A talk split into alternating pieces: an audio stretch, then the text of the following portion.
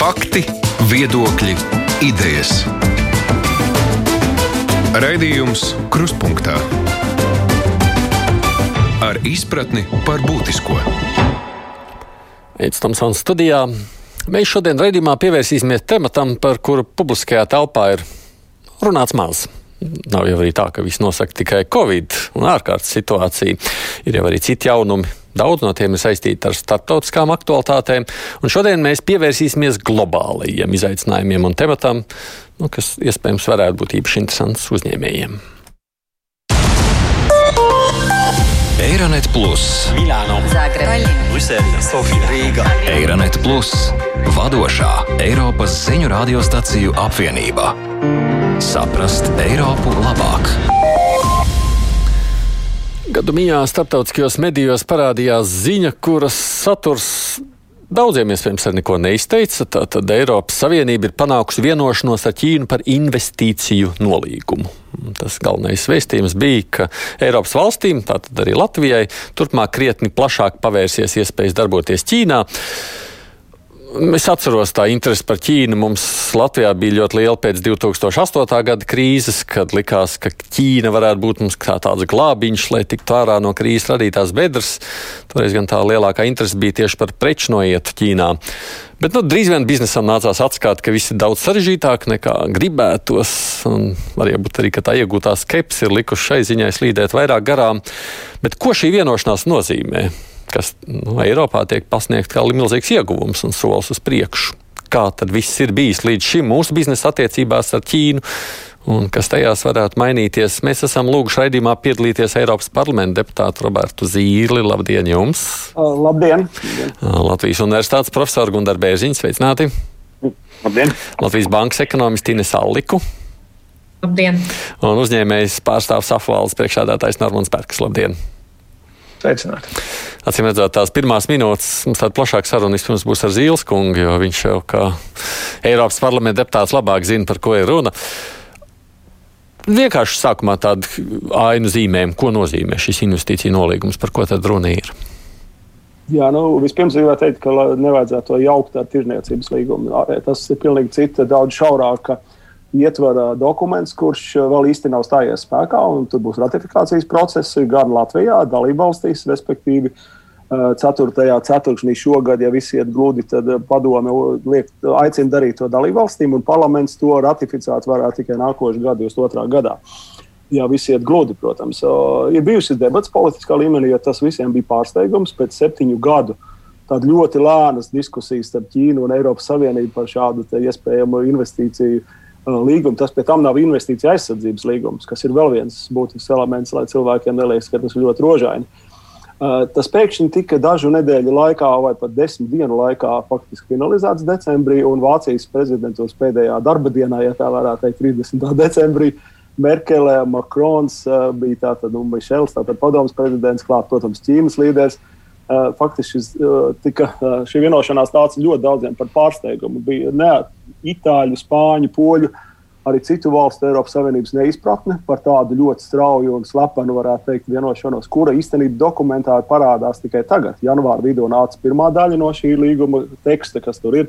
Tas tiek precizēts vēl līdz februāra vidum kaut kur. Tad, Faktiski pat eksperti ir redzējuši, un arī politiskā līmenī tā īsti šo dokumentu saturu tikai februāra vidū. Uh, tas ļoti netipisks gadījums, un, protams, mums jāsaprot, kāpēc tas visdrīzākais, kāpēc Ķīna to mainīja savu taktiku. Šajās sarunās un ļoti ātri vienojās. Viens no neapšaubāmiem elementiem ir Baidena uzvara ASV vēlēšanās novembra beigās, kā mēs zinām, kas, protams, paver citas attiecības ASV ar Eiropas sadarbībai, vismaz tīri teorētiski, un, protams, tur būs vēl dažādi stūrakmeņi. Tā pašā laikā arī Baidena administrācijas cilvēki nepārprotami pateica, ka, lai kā viņiem nepatīk Trumpa politika, tad attiecībā uz Ķīnu attiecībām ar tirzniecību šo phase one, kas ir tāds uh, līgums, ko Amerika piespiež Ķīnu pār, pārskatīt, ir uh, tas, kas būtu turpināms. Uh, un viņi lielā mērā rēķinājās ar Eiropu kā partneriem, transatlantiskiem partneriem šajās attiecībās ar Ķīnu, kuras ambīcijas ir ļoti lielas. Ja mēs paskatāmies tās jomas, kur viņi attīstās tā saucamo smart, nu, tādu gudro politiku, dažādos jaunos tehnoloģiju materiālos, atjaunojamā enerģētikā, mākslīgā intelektā un tam līdzīgi. Tur viņu interesi ļoti liels, ja paskatās Ķīnas kompartijas teiksim, vēlmes, ko viņi vēlās tuvākā laikā izdarīt. Es domāju, ka otrkārt tas rada domstarpības Eiropas valstu vidū. Starp citu, diezgan interesanti, ka dienu pēc tam, kad parādījās pirmā paka ar šiem dokumentiem janvāra vidū, tad Zviedrija jā, saņēma tādu bargu aizrādījumu par to, ka Eriksonam varētu krāties ļoti grūti Ķīnas tirgos. Bet izstāstiet vispār. La, es saprotu, tās... 5G, teiksim, darbību. To politiku mēs noteikti vēl pārnāsim, bet kas vispār ir investīcija nolīgums? Mēs mm. tā runājam par to, cik tas ir tā interesanti un tam līdzīgi, bet par ko ir runa? Nu, tur ir runa par vairākām lietām, ka Eiropas Savienības uh, kompānijām, kas darbosies Ķīnas investīcijās, tātad ieies iekšā, teiksim, kompānijas, viņiem nespiedīs obligāti veidot kopuzņēmumu. Viņām nespiedīs obligāti nodot tehnoloģijas, ko viņi taisīs kopā ar uh, Ķīnas valsts uzņēmumu, piemēram, kopuzņēmumu un atdot visas tehnoloģijas. Tas, uh, tas ir tas, kas tiek pasniegts kā liels iegūms, kaut gan tam nav uh, tāda, sakot, īsti pierādījuma, kas notiks, ja tas tā nenotiks. Jo pašlaik ir tikai starpvalstu sakot, strīdu izšķiršana, nav normālā strīdu izšķiršanas kārtība, kas ir visos šāda veida nolīgumos. Tam būtu jāieviešās divu gadu laikā. Līdzīgi ir ar daudzām citām situācijām, teiksim, Eiropas Savienības parlamentā ļoti īpaši kreisajām grupām ir Ķīnas prasība Ķīnai pievienoties darba spēka, kā tas saucās, dar, starptautiskajai darba organizācijas tādām konvencijām par piespiedu darbu, kā mēs zinām, ar uiguru tautības Ķīnā daudz politiski jautājumi ka šim Ķīnai būtu jāpievienojas. Eh, tas nekas no tā nav. Un arī interesanti par valsts uzņēmumiem, kas parasti tika subsidēti konkurencē ar Rietumu Eiropu un daudzām citām Rietumu Eiropas valstīm. Tad tur tika skarti tikai to, ka eh, Ķīna padarīs caurspīdīgāku procedūru, kā viņi atbalsta savus valsts uzņēmumus, bet eh, nav nekā praktiski par tām privātajiem Ķīnas uzņēmumiem, kuri operē dažādos Eiropas tirgos, bet īstenībā tiek atbalstīti no Ķīnas valsts puses. Tātad tas ir tāds. Nu, solis man ļoti patika. Ir tāda tēze, ka, ka, ka Ķīna, Ķīnas pusē tāds uh, Nobeļa prēmijas uh, laureāts literatūrā Bobs Dilans tika citēts uh, Financial Times viņa teksts. Ka, No Ķīnas puses skatoties, uh, when you ain't got nothing to lose, you, you, you got nothing to lose. Jā, labi, ja tev nekā nav, tad tu neko nevari zaudēt tajās līgumos. Un Ķīna faktiski izdarīja ļoti būtisku diplomātisku soli uh, ļoti tālējošām sakām. Droši vien no tāda ekonomista viedokļa skatoties, es nezinu, kurš no jums labāk, vai uh, Aleks kundze vai Bērziņkungs, vis, kas, ir, kas ir vispār pats par sevi investīcija līgums. Tā ir tā kā ideja, jā, ja tev ir nauda, tu vari kādā valstī investēt. Nu, mēs tā to varētu uztvert, jā, tad, tad ieguldīt kaut kur, ja veidot biznesu kaut kur Ķīnā. Jā, nu, pamatā, protams, ir runa par piekļuvi tirgumu. Ja, teiksim, mēs skatāmies šeit attiecībā uz investīcijām. Es domāju, Zīles kungs labi raksturoja visus tos elementus, kas, kas ir. Vēl es gribētu pāris lietas pieteikt, kas, kas tur ir. Nu, tas teiciens par to, ka, ja nekā daudz nav, tad nevar neko daudz zaudēt. Ja, teiksim, tas tiešām ir tiesa, jo šeit ir jāskatās relatīvi. Ja, kopējais, ja lūk tādu kopējo vērtējumu, tad varētu sacīt, ka, protams, tas tāds minīs solītis un iespējams tie ieguvumi ir teiksim, tādi, ja runā par investīcijām, šo piekļuvu tirgumu, viņi ir ļoti minimāli, tā varētu teikt.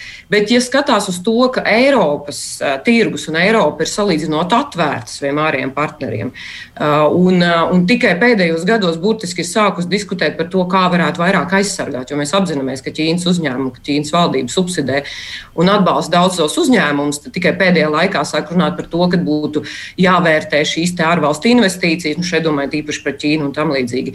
Tad, tad Eiropa ir salīdzinoši neaizsargāta, un šis varētu būt solis virzienā, kad mēs nu, tējam vairāk uz šo caurspīdīgumu, ja, par ko, ko Zilskungs minēja, uz to, kā, kāda ir šī informācija par šiem valsts piedarošiem uzņēmumiem. Tad ir konkrēti, protams, ir kaut kādas mini tādas norādītas uz to, ka, teiksim, attiecībā uz, uz elektromobīļiem, uz, ja es pareizi atceros, arī par dažām slimnīcām, dažās provincēs ir jomas, kurās ir norādīts, kur varētu būt šī valsts pasūtījumam un, attiecīgi, investīcija tāda piekļuve šīm tirgum Ķīnas. Taču tie ir tiešām ļoti, ļoti minimāli šīs tirgus atvēršanās, tādas varētu teikt, iespējas. Vienlaicīgi, protams, tā no negatīvās puses var skatīties, ka daži uzskata, ka tas var arī kalpot kā tāds ierocis Ķīnas rokās, tad, kad Eiropa tagad ir sāsina savus zobens un domā par to, kādā veidā aizsargāt tātad, savu tirgu. Tad šis investīciju skrīnings arī tiek gatavots regulējums attiecībā uz trešo valstu subsīdijām, uz viņu izvērtēšanu, ka Ķīna var pavērst šādu līgumu esamību, teiksim, kā, kā tādu ieroci ieroci, sakot, lūk, saskaņā šo līgumu jūs to nedrīkstat darīt. Teiksim, jā. Ļaujiet man tomēr mazliet no tā cilvēciskā puses. Es zinu, ka jūs esat visi iekšā procesā, un jums, no, es, ļaujiet man palūkoties uz to no manas klausītāja viedokļa. Nu, Es mēģināšu kaut kādu savu piemēru skatīties. Nu, ļoti prastu piemēru. Mums bija, pieņemsim, šprotu ražotāji, kas saka, mēs gribam savu šprotu tirgot uh, Ķīnā. Nu, nezinu, vai ķīniešiem garšo vai nē, to mēs arī redzējām, ka viņi tur mēģināja un viņiem negaršoja. Bet idejas kā tāds, vai šādam investīciju nolīgumam ir jebkāds sakars ar šprotu ražotāju vēlmi, pieņemsim, notirgot savu šprotu Ķīnā? Tas nav tirzniecības. Ja nu, lūk, tāpēc izskaidrojiet vēlreiz. Paskaidrojiet manam vienkāršam klausītājam, kas tas ir, ko, nu, ko, nozīmē, ko nozīmē tirgus atvēršana investīcijām. Ja es varētu pieminēt, tad tas, tad tas varētu būt tā, ka, teiksim, šo, ja pirms tam bija prasība tam, ka jūs nevarējāt investēt um, Ķīnā, neveidojot kopuzņēmumu, tad atbilstoši šim konkrētajam līgumam, tagad Latvijas šprotu ražotājs ļoti konkrēts varēs aizbraukt uz Ķīnu un atvērt savu uzņēmumu un neies nepiesaistīt Ķīnas partneri. Proti, tagad, tātad, lai es precīzinu, tas nozīmē, ka šprotu ražotājs drīkstētu taisīt savu šprotu ražotni Ķīnā. Jā, un tirgot ķīniešiem uh, konkrētās uh, sprotes. Nu, Līdz šim jā, viņš to nedrīkstēja darīt? Viņš to drīkstēja, bet sadarbībā, sadarbībā ar ķīniešu kompānijām. Ja es pareizi saprotu, protams, tas teksts vēl līdz galam nav, uh, tad, tad šim līgumam, tad šobrīd mūsu konkrētam sprotu ražotājiem vai koku ražotājiem būs iespēja uztaisīt savu rūpnīcu, pašam viņu vadīt un pašam arī tirgot. Tas ir tas, kā šobrīd notiek lielā daļā investīciju, kas notiek Latvijā. Tātad ir ir ārzemju kompānijas, kuras Latvijā pieder simtprocentīgi pieder ārzemju kompānijai, un šajā, un šajā kompānijā viņi arī nosaka noteikumus, bet kas atbilst Latvijas likumam. Nu, lūk, tāpēc, lai mēs precizētu, tātad Latvijā, ja kāds grib no ārzemēm atnākt un atvērt savu ražotu, viņš to var darīt. Mēs sakām, oi, cik labi, ja tas Siemens atvērtu savu rūpnīcu un ražotu, mēs taču tikai priecātos. Savukārt Ķīnā to nedrīkst izdarīt, jā? Ja? Nedrīkst, ja, vai šobrīd līdz vēl šim, kamēr nav ratificēts. Nu, līdz šim nedrīkst. Jā. Un tas ir tāpēc, ka pati Ķīna tādas nosacījumus pieņēmusi. Ja? Jā, nu, jā, nu te nu mums jāsaprot, ka ir viena lieta, teiksim, kas ir, nu, teiksim, Ķīna bija uzstādījusi ļoti strikts noteikums investīcijām savā valstī. Ķīna bija uztaisījusi, uz, uz, teiksim, uztaisījusi ļoti striktus ierobežojumus, kādās nozarēs vispār kāds ārzemnieks, cik daudz īpašumu tiesību drīkstēja būt Tagad daļai no viņām šie ierobežojumi ir noņemti, bet ne visām. Uh, un, uh, jā, bet ne visām. Nu, un, nu, tas fakti, kā tas faktiski izskatās, teiksim, uh, man kaut kas, es, es ar kādu mēģinu vienoties, es pirms uztaisu ļoti strikts noteikums, lai mēs, man pēc tam būtu no kā atkāpties. un es pēc tam, pēc tam sarunāju, ka es atkāpjos un tomēr dodu iespēju. Bet, nu, protams, Ķīnas tirgus un Ķīnas ekonomika ir uh, viena, viena no lielākajām uh, pasaulē, faktiski otrā lielākā pēc, pā, pēc apmēram desmit gadiem tiek uzskatīts, ka būs pirmā lielākā ekonomika pasaulē. Un tas um, kopējais investīcija apjoms ir 145 miljardi apmēram. Un, bet, ja mēs skatām to vēl, tos arī privāto, viņš varētu būt vēl lielāks. Tiek uzskatīts pat līdz 250 miljardiem investīcija apjoms. Un tirzniecības apjoms ar Ķīnu vispār ir 650 miljardi. No Latvijai laikam 750 miljoni, bet uh, tas apjoms ir milzīgs, kas notiek, kāda notiek sadarbība ar Ķīnu. Hmm. Ja mēs skatāmies no statistikas, es saprotu, ka man kolēģiem tur ir grafika, kas nāk no Eiropas puses, no Eiropas komisijas, mēs viņu varam uzlikt, lai redzētu, kur vispār šobrīd Eiropas uzņēmumi Ķīnā kaut ko investē. No, tad, tā, tā 28% autobūve, 22% izēvielas, 9% finanšu pakalpojumu. Uh, nu, te ir saskaitīts dažādas tās jomas, kurās tas notiek. Tas, kas līdz šim tas ir noticis, tātad tas viss notiek kopu uzņēmumos, ja? tā mēs to sakām. Visos šajos grafikos līdz šim citādi nedrīkstēja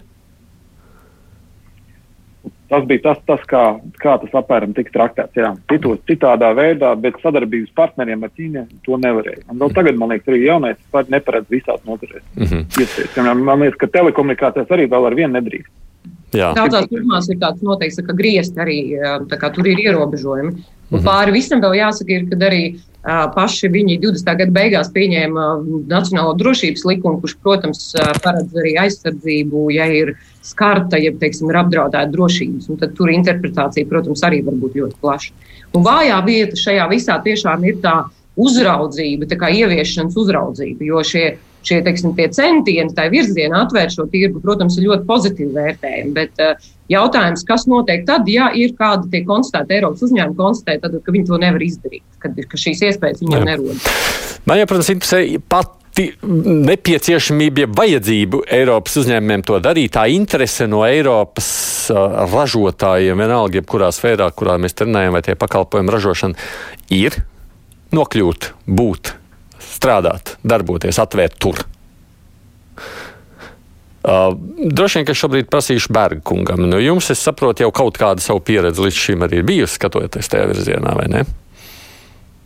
Paldies! Jā, nu, mēs kādu 20 gadus jau ar ķīniešiem strādājam dažādās formās. Nu, tā droši vien, ka īsā reakcija uz, uz šo dokumentu ir tāda, ka patiesībā mēs nevēlu nezinām. Mēs neko nezinām. Mēs varam spekulēt, mēs, mēs varam reflektēt par to tēmu, bet kas tas ir, kādas tam būs sekas, nu, ne, tikpat labi var iet kazino uzspēlēt. Uh, nu, tas ir ja, tā jāsaprot tādā veidā. Uh, otra lieta, kas ir jāsaprot, uh, šis nolīgums nekādā veidā neiespaido tirzniecību. Un es tiešām nezinu itin nevienu Latvijas uzņēmumu, nu, kuram būtu kaut kādas būtiskas investīcijas Ķīnā. Nu, līdz ar to, protams, ir jārēķinās, ka, un visticamāk, nu, vismaz es neesmu dzirdējis, ka kāds nopietni plānotu lielā nu, veidā kaut ko investēt Ķīnā. Ja? Nu, tas ir tālu, tas ir mokoši, tas ir sarežģīti. Nu, tas ir tāds, labāk nelieniet. Nu, ja jums nav vismaz tur, nezinu, pieci uzņēmumi kaut kur citur, nesāciet ar Ķīnu. Mums jau vispār ir priekšstats, ka latvieši nekādu investoru nav. Nu, mēs jau tikai gribam. Nu, Nu, mēs neesam uzkrājuši pietiekoši daudz Kapitāli. līdzekļu. Es nu. domāju, ka Latvijā varbūt ir uz abu roku pirkstiem saskaitām uzņēmumi, kur jēdzīgā veidā nu, var kaut ko tādu darīt. Jā. Nu, tādu tiešām objektīvi nav daudz. Līdz ar to mums, protams, būtu jāskatās, nu, kā klājās lielajiem Eiropas uzņēmumiem. Un taisnība tās ir bankas, tā ir autobūve, tās ir telekomunikācijas. Un es jau nu nebūtu ļoti optimistisks, nu, ka tagad nu, tirgus atvērsies vaļā. Ticiet man, nu, ķīnieši ir komunisti. Un komunisti ir ļoti, ļoti izveicīgi dažādu arī netarifu barjeru būvniecībā. Ja? Nu, jums var būt uh, simtprocentīgs kapitāls, un tad jums pēkšņi ievaidzēsies natīvus ķīniešus vai, teiksim, ar Ķīnas valodas zināšanām, tur ļoti augstā līmenī. Mēs jau arī mākam, ziniet, tur tās valodas barjeras zīmēt un tā tālāk, bet ķīnieši ir kārtām gudrāki par mums šajā spēlē. Nu, līdz ar to man gribētos teikt, nu, esam, esam jau nu reāli tiem, kuriem bizness bija ar Ķīnu visticamāk viņš sliktāks nepaliks, jo nu, varam sagaidīt, ka Baidena administrācija tomēr centīsies nu, vismaz retorikas līmenī nu, izlīdzināt tās attiecības. Ja. Bet tas, ka nu, kaut kas būtiski un ātri mainītos, es nesagaidītu. Patiesībā pat mazliet pretēji. Latvijas ražojošais sektors diezgan vinnēja no, no tā Amerikas spiediena pret Ķīnu, tādēļ, ka daļa ražošanas gan, gan mašīnu būvē, gan elektronikā pārvācās uz Eiropu. Nu, gan, gan no drošības un loģistikas apsvērumiem, gan arī nu, no tiem riskiem, dažādu veidu sankcijām, antisankcijām un tarifiem.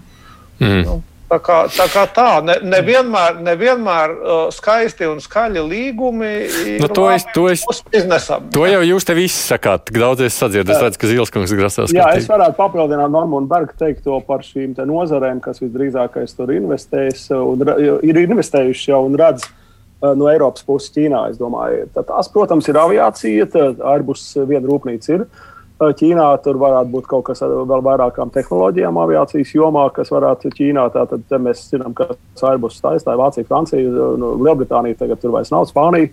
Vēl ražo šādas tādas mazākas lietas, ražo arī citas biznesa. Telekomunikācijas, protams, automobūve, tātad Vācijas pamatā automobiļu rūpniecība ir ieinteresēta privātā medicīnas iekārtas. Tas arī ir diezgan specifisks. Un vēl vairākas nišas lietas, kas arī lielā mērā ļoti, kā raksta eksperti, interesē Vācijas biznesu. Tas būsim, tāpēc arī es domāju, tas ir acīm redzami Vācijas prezidentūras laikā izdarīts, sauksim tās lietas īstos vārdos. Kas attiecas uz, uz praktisko pusi, ko Normons jau daļēji stāstīja, kā viņam pašam ir pieredze, bet es esmu vairākus gadus Ķīnas un Eiropas parlamentārā sadarbības grupē. Tā, tā Mums bija vairākas reizes tikšanās Šanhajā. Un tā labākā, tie, labāko atbildi jūs saņemat no uh, Eiropas Rūpniecības Tirniecības kameras ekspertiem, kas tur strādā desmit gadus un citreiz vēl ilgāk, kas ir tīri labi iesakņojušies, citreiz pat izveidojuši ģimenes, tur aprecējušies Ķīnā. Viņi zina šo praktisko pusi.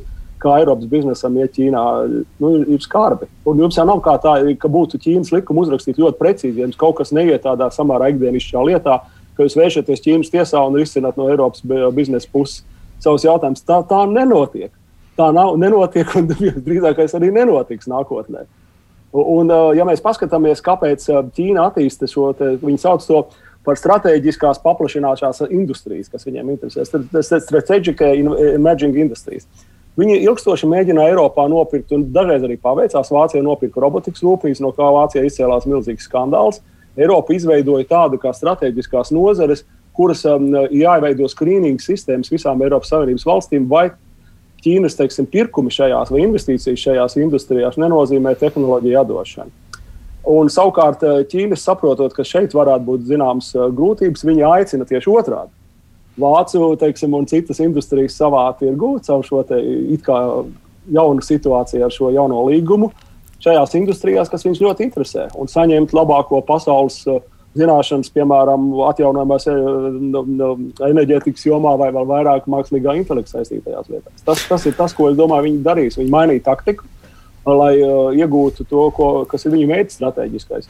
Iegūt uh, vadošo jomu ļoti šajās daudzās pozīcijās. Jūs pats paklausāties Stratkom.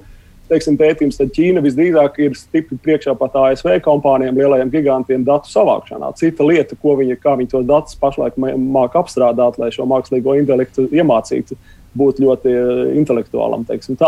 Tas ir tas, kas viņiem vajadzīgs. Un es domāju, ka tas ir viens no mērķiem, ko viņi dara ar šādiem veidiem līgumiem. Nē, bet nu, gan jūs, gan Aleks Kundze jau faktiski saka, ka tas ir tāds drīzāk bumerangs, kas varētu sist atpakaļ šajā visā stāstā. Vismaz tā es to jūsos saklausu.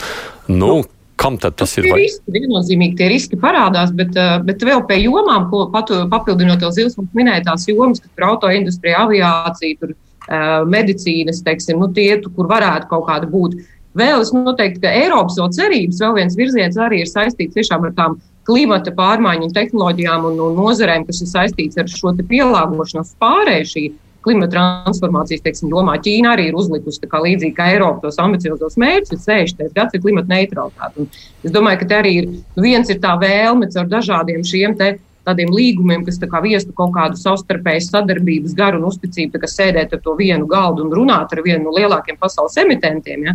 Vienlaicīgi arī šais nozarēs kaut kādā veidā iesprāgties un, un, un tikt šai tirgu arī, teiksim, kur Eiropa tagad, protams, masveidā investēs un darbosies, teiksim, pats savā tirgu, ja? bet tātad arī uz āru attiecīgi eksportēt šīs lietas un, un integrēties un tad arī investēt, piemēram, Ķīnā. Es domāju, tas ir vēl viens virziens, kur Eiropa arī cer Bet skaidrs ir, ka šis līgums nav nekāda zelta uh, nūjiņa, teiksim, ar kuru tas viss tā maģiski notiks. Jā. Tas, tas ir tikai ietvers, tas tā ir tikai tāda, varētu teikt, iecerē, kas uh, varbūt pat arī tāds savu veidu uzticības veidošanas, jaunas partnerības veidošanas instruments. Jā. Hmm. Un vēl viena aspekta, ko es gribēju minēt, vēl ir par, uh, par tādu Eiropas vienotības aspektu. Jā. Jāatcerās, ka šobrīd, nu, līdz šim, teiksim, Eiropā ir, nu, tur bija skaitīts kāds pāri par 2000 dažādi investīciju veicināšanas ar investīcijām saistīti nacionālie līgumi ar Ķīnu. Ja. Protams, ka šis jaunais līgums neaizstās visus šos līgumus. Ja.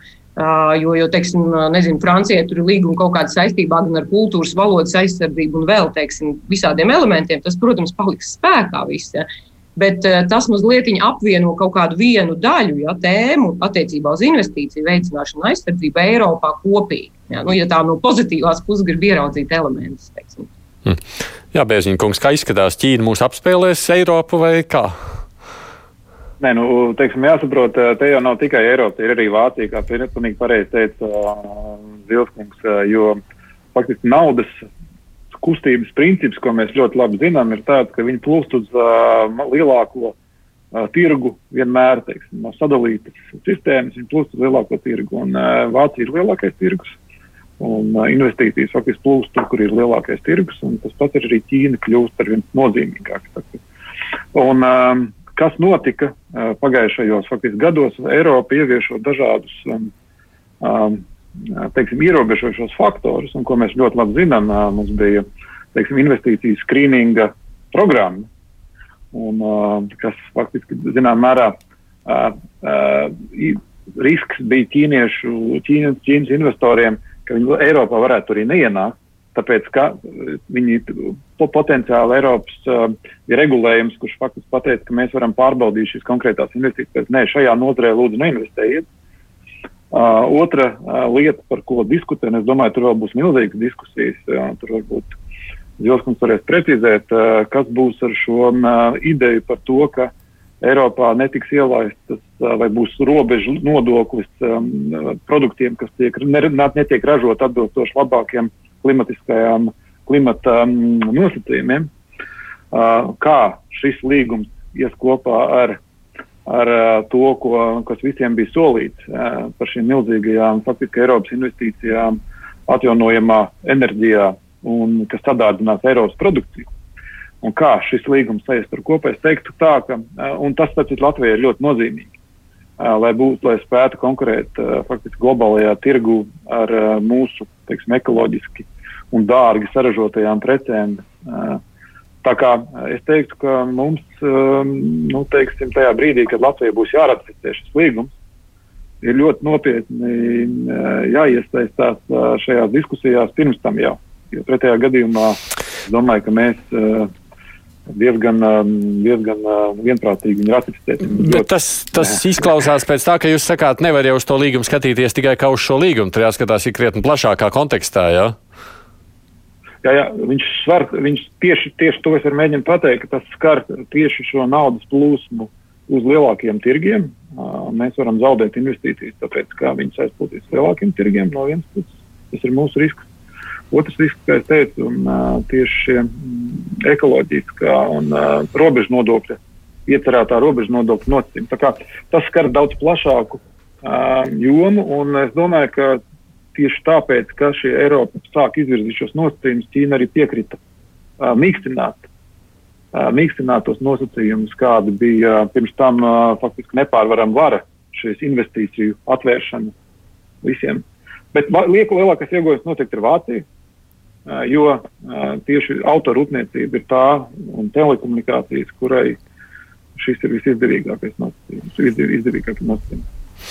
Droši vien, ka man jāatgādina tiem, kas ir vēlāk pieslēgušies. Mēs runājam par šo Ķīnas investīcijas nolīgumu, jeb, sakot, tām attiecībām, kādas veidojas starp Eiropu un Ķīnu. Eiropas parlamenta deputāts Roberts Zīle šeit ir, Gundars Bērziņš, Latvijas universitātes profesors, Safvalds, priekšādātais Normons Bergs un Latvijas bankas ekonomists Ines Allika.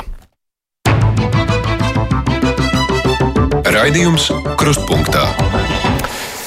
Ja es vispār droši vien sapratu, ka man tur ir vēl viens grafiks, ko vajadzētu parādīt tajā visā stāstā, nu, ja mēs tā palūkojamies, un tas ir nācis no Eiropas komisijas šobrīd kā tāda izplatīto sadaļu. Nu, ko tad paredz? Te, viņš gan ir angļu valodā, man tā liekas, jā, tā skatoties tīri latviski vai ne, tā tad, ko nozīmē, kāda tā pieeja garantēta, kādā veidā veicināt šos te vienlīdzīgās konkurences nosacījumus, šo te Ķīnas caurskatāmību, subsīdijās, atļaut Eiropas uzņēmumiem pirkt, jādīt jauns uzņēmums, un izklausās jau tā ļoti kopumā, jau taču izklausās tomēr labi.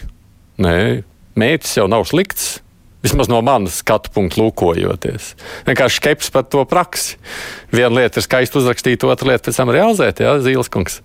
Jā, es, jā, es smējos. Jā. Es, es domāju, ka tie ir virsraksti, kas tiek pasniegti no Eiropas publikai. komisijas puses publikai, jo nav viennozīmīga reakcija Eiropas parlamentā. Piemēram, mums janvāra pirmajā grupas sēdē Uh, manā Eiropas konsultāciju reformas grupā bija ļoti dažādi valsti, ļoti dažādi viedokļi, bet kopumā tas bija negatīvi. No poļu deputātiem, kas ir valdo, valdības, gan arī no citu valstu aizstāvēja Vācija, Čehija. Čehija lielā mērā tāpēc, ka automotīvā rūpniecība nepārprotami ir saistīta ar vācu automotīvu, viņiem tur ir iegūmi. Uh, Un tā tas būs arī visās pārējās politiskajās grupās. Bet katrā ziņā ir diezgan liela neapmierināta deputāta pusē, vairāku valstu pusē.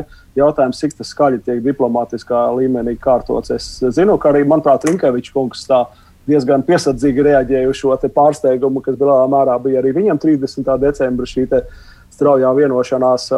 Un, un, un daudz, daudz jautājumu. Un, ja mēs paskatāmies par to šķelšanu Eiropas pusē, ko arī Aleks Pons minēja, Tur faktiski ir tā, ka tas jau notiek. Es, te, es minēju šo Eriksonu piemēru pavisam īsi, bet tas nozīmē, ka Ericssonam Zviedru telekomunikāciju milzīgs, kas, kas saņem 10% no visiem globālajiem ienākumiem Ķīnā.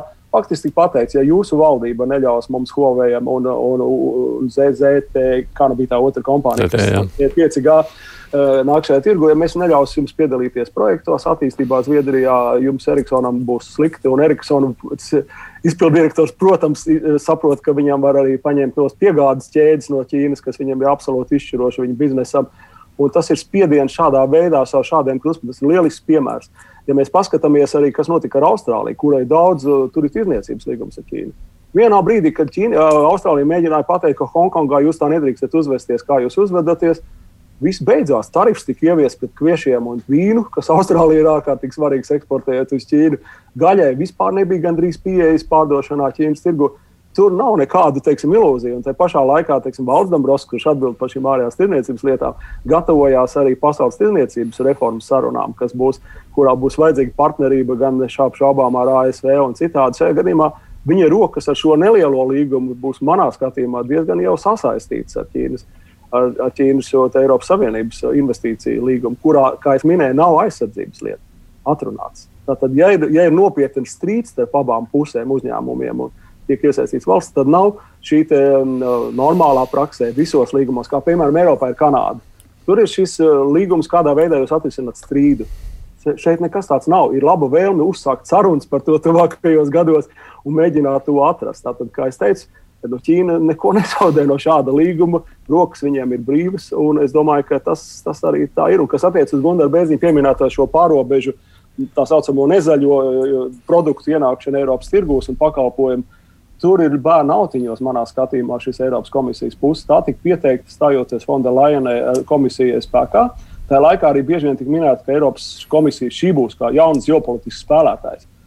Tas vārds ģeopolitisks vispār netiek pieminēts nevienā runā no Eiropas komisijas puses. Visi par to ir pieklusi, pieklusuši. Es domāju, ka arī vakcinācijas sāga, kas lielā mērā tikai tādā attīstās, parāda, ka uh, pretendēt uz ģeopolitisko spēlētāju un šādu ļoti sarežģītu pārobežu mehānismu no, no, nodokļu uzlikšanu, kas īstenībā ir pretēji Pasaules tirdzniecības organizācijas pašreizējām prasībām. Es domāju, ka neviens netic, ka Eiropa to spēs ieviest. Jo katrs viens piemērs, ko es jautāju, vai Eiropas komisija ieviesīs uh, Nord Stream 2 plustošo jauno gāzi no Krievijas, kura tiek iegūta ļoti nezaļā veidā un pat par sevi ir fosilais kurināmais, vai tā arī tiks aplikta ar nodokļu potenciālu nākotnē atbilstoši šim jaunam mehānismam? Atbildes nav. Skaidrs, ka nē.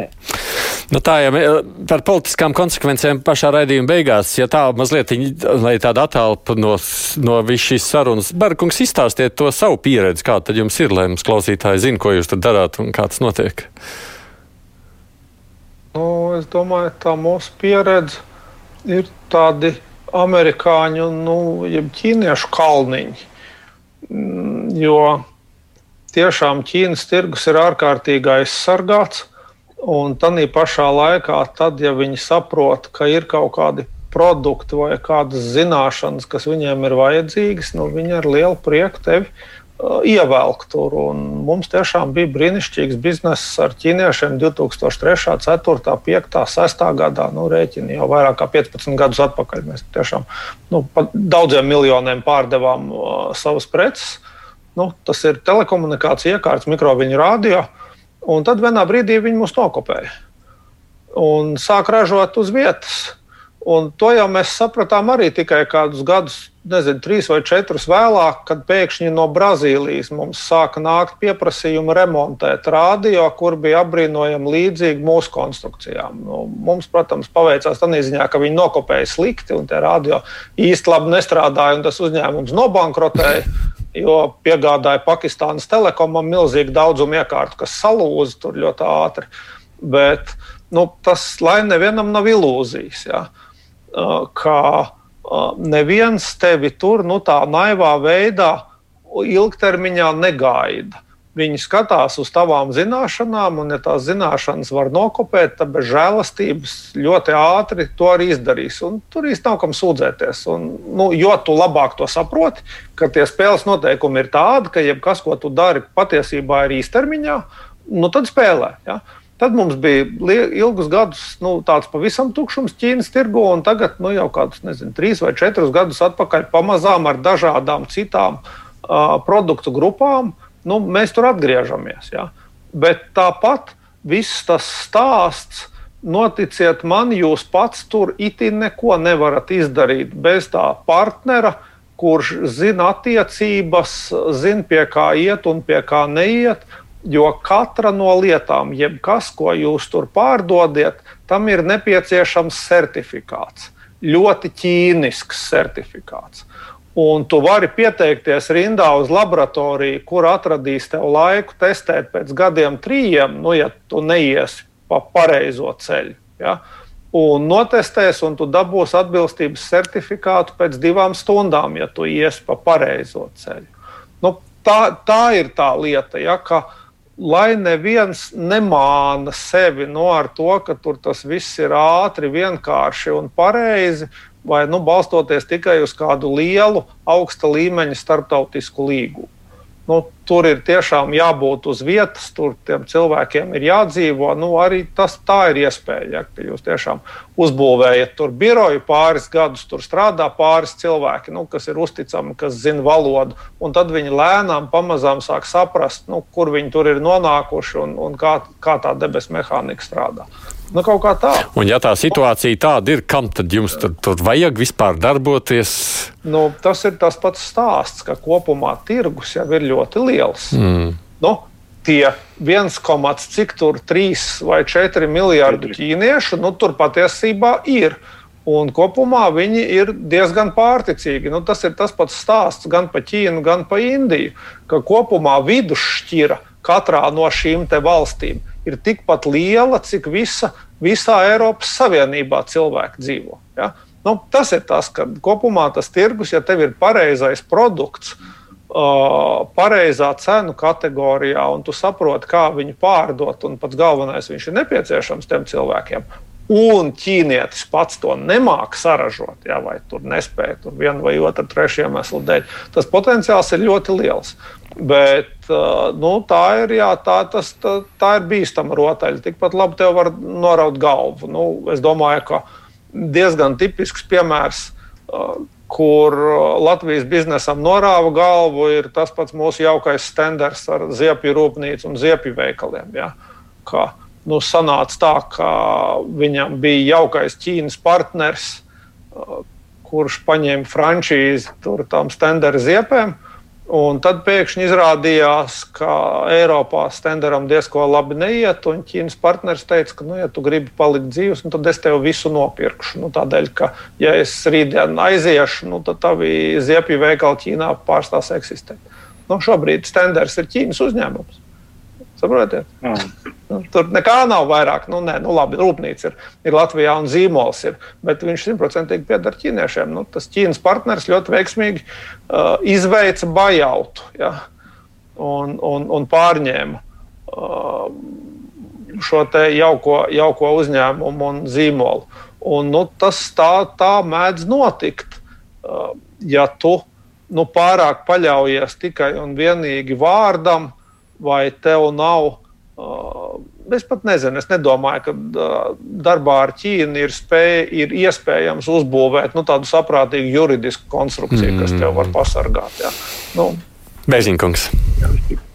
Es tikai gribēju pie, piebilst, ka nu, viens no uzņēmumiem, kas Latvijā mēģina strādāt Ķīnas tirgu, ir Food Union, nu, kas ir Rīgas piena kombināts.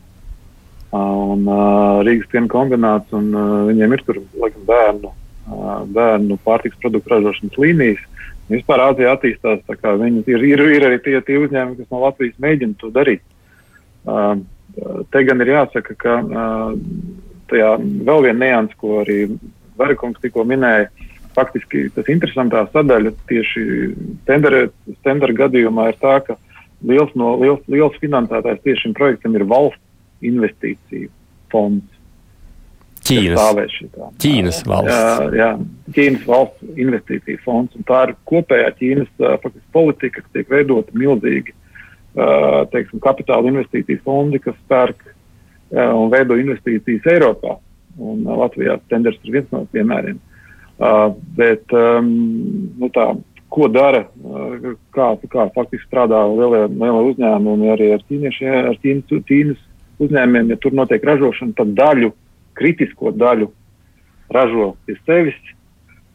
bet teiksim, vispār zināmo daļu ražo, ražo Ķīnā. Un, un tas ir tas, ka daļa, teiksim tā, ja mēs pilnīgi visu tehnoloģiju atdoš, atdodam Ķīnā, tad ir simtprocentīgi skaidrs, ka viņi tiks uh, nokopēta, nu, tāpēc, ka nu, tā tas tur notiek. Mm. Un īsti, teiksim, īsti nestrādā intelektuāla īpašuma aizsardzības mehānismi, par ko arī visi uztraucās tieši par intelektuālo īpašumu aizsardzību. Bet tas, ko sacīja Bērkungs, ka viņš netic, ka tur vispār to juridisko kaut kādu ietvaru var uztaisīt, lai šo lietu nokārtotu civilizētu rietumu izpratnē veidā, vai kas nozīmē, un tas vispirms skatoties uz jums abiem ekonomistiem, jūsuprāt, ir nepieciešams, ir iespējams, ir vajadzētu meklēt kaut kādā veidā tad. Uh, Un kā lai es to tagad pasaku, Eiropai savas tiesības aizstāvēt, mēģinot likt ar vien vairāk kāju ķīniešiem priekšā? Aliks nu, Kundze. Jā, es, es tiešām redzu šeit, es pilnīgi piekrītu par to, ka uh, gaidīt kaut kādu brīnumu, kad, kad tas atvērs uh, konkrēti tādā mikro līmenī uzņēmumam, arī konkrēti garantēs kaut kādas iespējas, pilnīgi skaidrs, uh, skaidrs ka tas tā nebūs. Un, un tiešām arī piekrītu, ka tādi juridiskie konstrukti nu, nav tie, kas, nu, kur mēs ar Ķīnu varam varam to panākt arī šajā gadījumā, pagaidām. Ja. Bet tas, kas, kas notiek, tiešām tas līgums jāskata divos aspektos. Viens ir tātad konkrēti tātad uzņēmuma kontekstā šo piekļuvu un vai tas uzlabos, tad secinām ļoti ierobežot un negarantē. Savukārt otrs aspekts ir šī tāda varbūt Eiropas pašas lomas un, un tādas sadarbības tādā globālajā šajā mērogā. Un šeit es redzu divus, divus aspektus. Viens ir tiešām, kā mēs iezīmējam, ka būs ļoti daudz tādu jautājumu, kas ir jārisina kopīgi ar Ķīnu. Un tad šis tā tātad veidošanas, attiecību veidošanas moments var nostrādāt kā pozitīvs elements.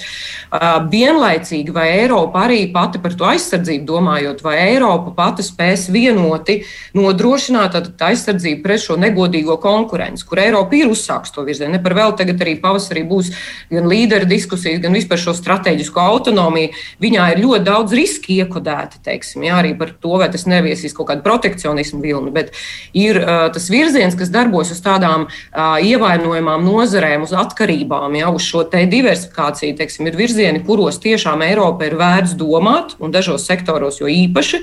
Jo, piemēram, kādu gan mēs eh, savu eh, to pašu eh, klimata, teiksim, šīs pārmaiņu pielāgošanās procesu veiksim, ja mēs kaut kādos izējuma materiālos, tehnoloģijās būsim pilnīgi atkarīgi no, no ārējiem piegādātājiem. Ja, tāpat tagad medicīnas joma to parādīja. Tad Eiropai šie divi virzieni. Viens ir tātad ar saviem partneriem globāliem, kas ir, protams, gan Ķīna, gan ASV, gan, gan citi, un otrs ir iekšēji, tātad kā stiprināt savus spējas un savu šo te, nu, autonomiju, varētu teikt, tā, tādās kritiskās jomās. Ja, mm -hmm. Skaidri definējot, kas tas ir. Bēziņkungs, varat papildināt?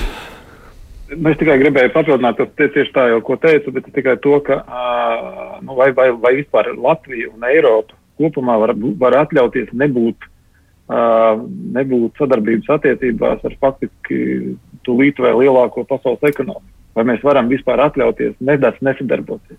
Un tas ir tas lielais izaicinājums. Ja mēs domāsim, ka mēs varam, tad, tad mums īstenībā mēs varam ļoti zaudēt.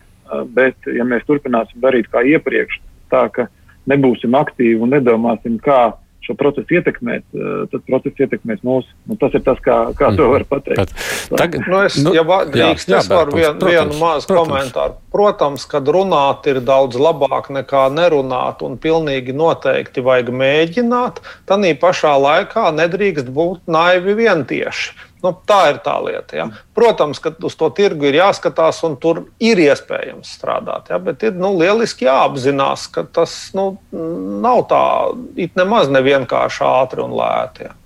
No tādas reāla politikas zīles, kungs, kā izskatās jā, nu, tā spēja? Par tiem muskuļiem, kā jūs jautājāt. Jā. Nu, es neredzu šos muskuļus. Es nesaku, ka ir kaut kas traģisks noticis, ja šis līgums tiks ratificēts, bet tas viss būs atkarīgs no tā, uh, cik Parīze un Berlīna uzspiedīs uz pārējām dalību valstīm to ratifikācijas procesā. Varbūt būs kādi dīli, vienošanās par kaut ko citu, bet katrā ziņā tas ir viņu interesēs. Arī nu, tie ir vienīgie muskuļi. Tad jautājums, vai šie muskuļi ir kaut kādi acīm redzami arī ķīniešiem, jo Ķīna.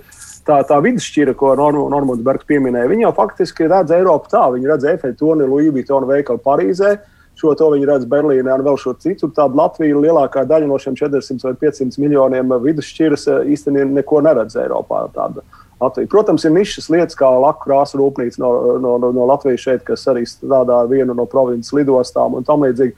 Ir tādi nelielie stāsti, kas ir veiksmīgi, bet tie ir vairāk ne investīcija, protams, līgumi.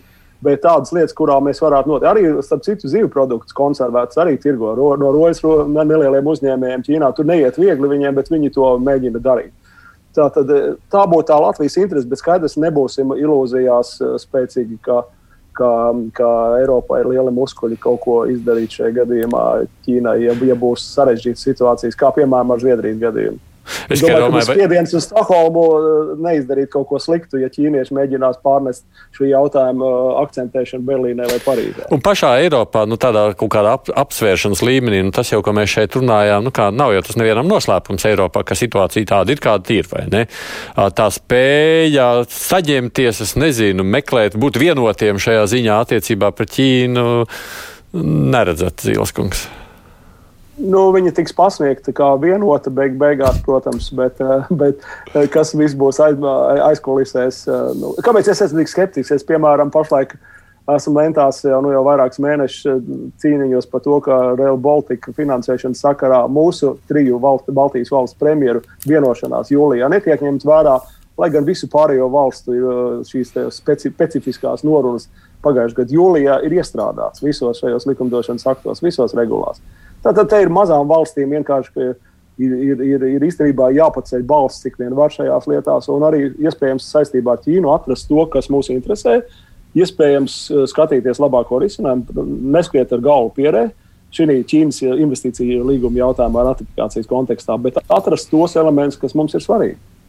Man jau te gaidas raksts, Ķīna ir uzmetusi jau arī piena kombinātu, jo viņi var vaļā tagad divas lielas piena pārstrādes rūpnīcas. Es, protams, sīkāk nevaru uh, komentēt šo. Tas, kas notiek savukārt nu, tajā globālajā sadaļā, runājot par ASV, jūs jau te pieminējāt raidījuma sākumā, ka šis varētu būt viens no iemesliem, kāpēc Ķīna ir izrādījusi kaut kādu interesi tālākajās sarunās.